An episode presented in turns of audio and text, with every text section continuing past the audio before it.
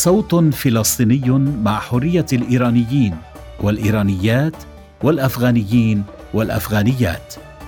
كريم أبو الروس A Palestinian voice in support of Iranian and Afghan freedom. حين سمعت أغنية أفغانية للمرة الأولى في حياتي لم أكن أعرف عن أفغانستان الكثير إلا أني أعرف طالبان وقرأت عنها كثيرا في طفولتي لأن الجماعات الإسلامية في غزة كانت توزع منشورات ومجلات تشرح فيها عن طالبان.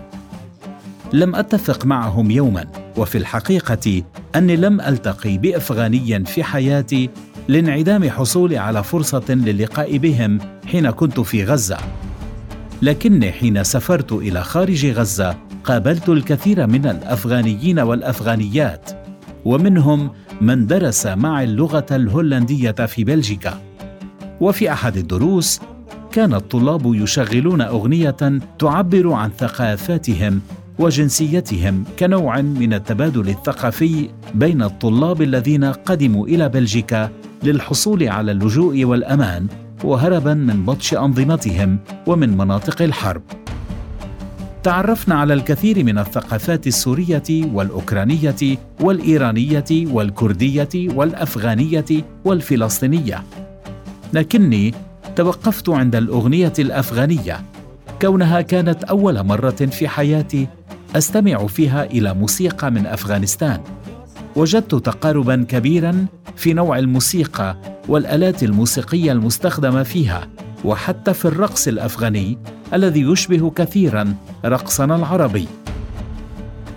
لم أتأثر في حياتي بأغنية كهذه الأغنية التي حملت اسم بعات نماك أريانا سايد فبينما كنت أستمع إلى الأغنية تذكرت الفتيات في كابل وهن يخرجن في مظاهرة ضد حركة طالبان ويطالبن بحقهن في التعليم وحرياتهن. بدأت بالبحث عبر الإنترنت عن المزيد من الموسيقى الأفغانية والتاريخ الموسيقي التراثي التقليدي لأفغانستان. فصدمني هذا الكم الهائل من التنوع والجمال والقداسة في الثقافة الأفغانية. وجلست أتخيل لماذا يحاول أحدهم أن يهدم هذا الصوت وهذه الموسيقى وأن يحذف هذه الثقافة المتنوعة من الوجود. شعرت بالأسف والحزن لأني لم أمتلك فرصة للتعرف بشكل أكبر على المجتمع الأفغاني وثقافته التي لم تصل إلينا سوى قذارة طالبان وتطرفها وبشاعتها. صوت متماهن مع الدكتاتورية والتوحش. يبدو مفهوما ضمنيا أن الشعب الفلسطيني كغيره من شعوب العالم يختلف الناس فيه حول القضايا السياسية والاجتماعية والثقافية والفكرية وأيضا حول القضايا الدولية والإقليمية خاصة. يتجاذب الناس ويصطفون في معسكرات سياسية متنوعة وفقا لتقارب الأفكار والقناعات والرغبات ومنهم من يميل إلى اليسار وبعضهم إلى اليمين. وهذا التنوع في الأنظمة الديمقراطية يفرز تنوعا وتعددا يؤديان إلى التقدم والتغيير المستمر. فلا ثابت في السياسة وفي السياق الفلسطيني يوجد عندنا هذا التنوع واحيانا الفرز الحاد بين القناعات السياسية والفكرية والآراء الثقافية والانحيازات الأيديولوجية. ويبدو ذلك طبيعيا ومهما إلا أن ثمة صوتا ينادي بغير الطبيعي في المجتمع الفلسطيني والمجتمعات العربية الأخرى وهو الصوت الذي يحفر عميقا في تأييد حركة طالبان المتطرفة تحت مبررات التقارب الديني وتأييد النظام الإيراني الرجعي تحت مبررات مقاومة إسرائيل. وعلى الرغم من أن هذا الصوت ليس كبيرا وليس مؤثرا، لكنه موجود وبدأ يأخذ مساحته الكبيرة في الفضاء العام، خاصة على مستوى النقاش السياسي الداخلي في فلسطين.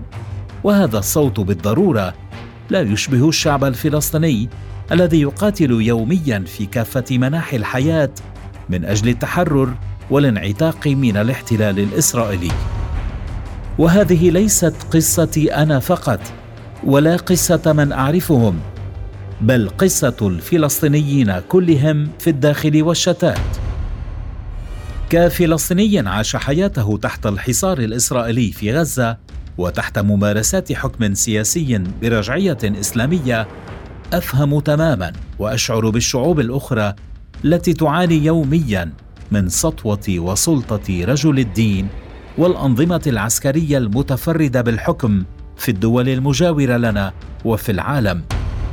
ولكن كثيرين من الشباب ومنهم أنا لا نعرف الكثير عن المجتمعين الأفغاني والإيراني ولم نزرهما من قبل ولم نقابل أحدا منهما من قبل بسبب حبسنا الطويل في غزة وكل معرفتنا عنهم تشكلت فقط من التلفزة ومن الإنترنت.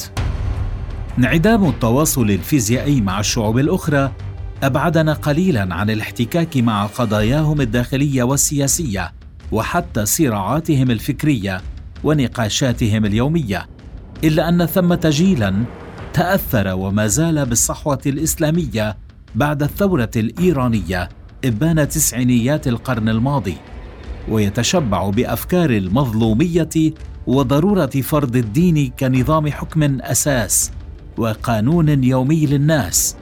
وأيضا محاربه كل أنماط الحياة المخالفة للشريعة الإسلامية إلا أن هذا التوجه وهذا الصوت يتناسيان عمدا وقصدا أن ثقافتهم هذه دخيلة على المجتمعات العربية المتنوعة والمتعددة الأديان والطوائف والأفكار والتوجهات الفكرية والأيديولوجية وحتى الطبقية وأيضا المتنوعة في ثقافاتها المحلية والعائلية. ولا يمكن لصوت واحد أن يسود. لأنه سيبدو صوتا ورايا وتوجها متطرفا وديكتاتوريا كما هو في الحقيقة. لكن هذا الجيل معبأ أيضا بمظلومية القضية الفلسطينية والاحتلال الأمريكي لأفغانستان والعراق ولعب دورا في تزييف الحقائق وجعل الأسلمة حلا وحيدا ومحقا لمواجهة الاستعمار الخارجي. برغم أن الإسلاميين جاءوا متأخرين في مسيرة النضال العربية والفلسطينية خاصة. إلا أن أصواتا كثيرة في المجتمع الفلسطيني بدأت تفرق جيدا بين الانعتاق من الاحتلال الخارجي والنضال الاجتماعي المشترك القائم على الوحدة الوطنية وبين الاحتلال الداخلي القادم من جهات من المجتمع نفسه. طالبان بسياساتها الرجعية المتخلفة والديكتاتوريه القائمة على المنع والحظر وإسكات الرأي الآخر وفرض الأفكار الإسلامية على المجتمع لا يمكن أن تؤدي إلى تحرر المجتمع وتقدمه ولا حتى الاستقلال بالسيادة الوطنية ولا يمكن للنظام الإيراني الذي يفرض أفكاره بالقوة وبالسلطة وبالدم على الإيرانيين أن يلعب دورا محوريا في التحرر من الاستعمار. لأنه في توصيف السياسة استعمار بحد ذاته. تلعب طالبان والنظام الإيراني ومعهم الجماعات الإسلامية في فلسطين ولبنان وسوريا دورا سيئا في الإحلال الثقافي. فهم يحاولون تغيير ثقافة المجتمع وهويته وإحلال ثقافة بديلة منها وهي ثقافتهم الضيقة وأفكارهم الخاصة. ونشرها وفرضها كأنها حقيقة وصواب. وهذا هو صلب التسلط والديكتاتوريه والتفرد والتجبر. في السياق الفلسطيني تشبه حماس في سلوكها إلى حد كبير السلوك الطالباني والنظام الإيراني في فرض الأفكار. فهي لا تترك فرصة إلا وتنتهزها في نشر الأفكار الإسلامية في المجتمع والقادمة من أيديولوجيتها المنساقة تماما وراء حركة الإخوان المسلمين. ولطالما فرضت حماس على الفضاء العام أفكارها بالقوة مثل منع الاختلاط في المساحات العامة وفرض الحجاب في مدارس البنات والفصل بين الجنسين في المدارس وإجبار المحاميات على ارتداء الحجاب. وأيضا التدخل في كل الفعاليات الثقافية والموسيقية العامة ومنع وحظر معظمها. وبهذا حولت المجتمع إلى مرآة واحدة وأجبرته على أن لا يتفاعل إلا مع الأفكار الصادرة منها ومن أيديولوجيتها. وهذا ما نجحت فيه حماس حين حولت كل هذه الاختلافات في المجتمع على المستوى الثقافي والاجتماعي والفكري إلى أفكار ضد الدين والعادات المجتمعية وهذا هو سلاحها في المنع. كما أنها أعطت سلطة ضخمة للمساجد ودور العبادة الإسلامية لتلعب دورا كبيرا في التنظير الإسلامي للأفكار الحمساوية في المجتمع. وبرغم أن الغزيين يعانون في كافة مناحي الحياة من السياسات الاحتلالية الإسرائيلية المتمثلة في الحروب والحصار المستمر حتى الآن إلا أنهم يعانون داخل الحصار أيضا من حصار آخر متمثل في سياسات حماس بالأدلجة والمنع والحظر وإغلاق المسرح والسينما واعتقال أصحاب الرأي والفكر وتقييد الثقافة والمعرفة والعمل السياسي الشبابي والجامعي. كما أنها تحاول أن تحتكر الخطاب الوطني نفسه في تعريف القضية الفلسطينية.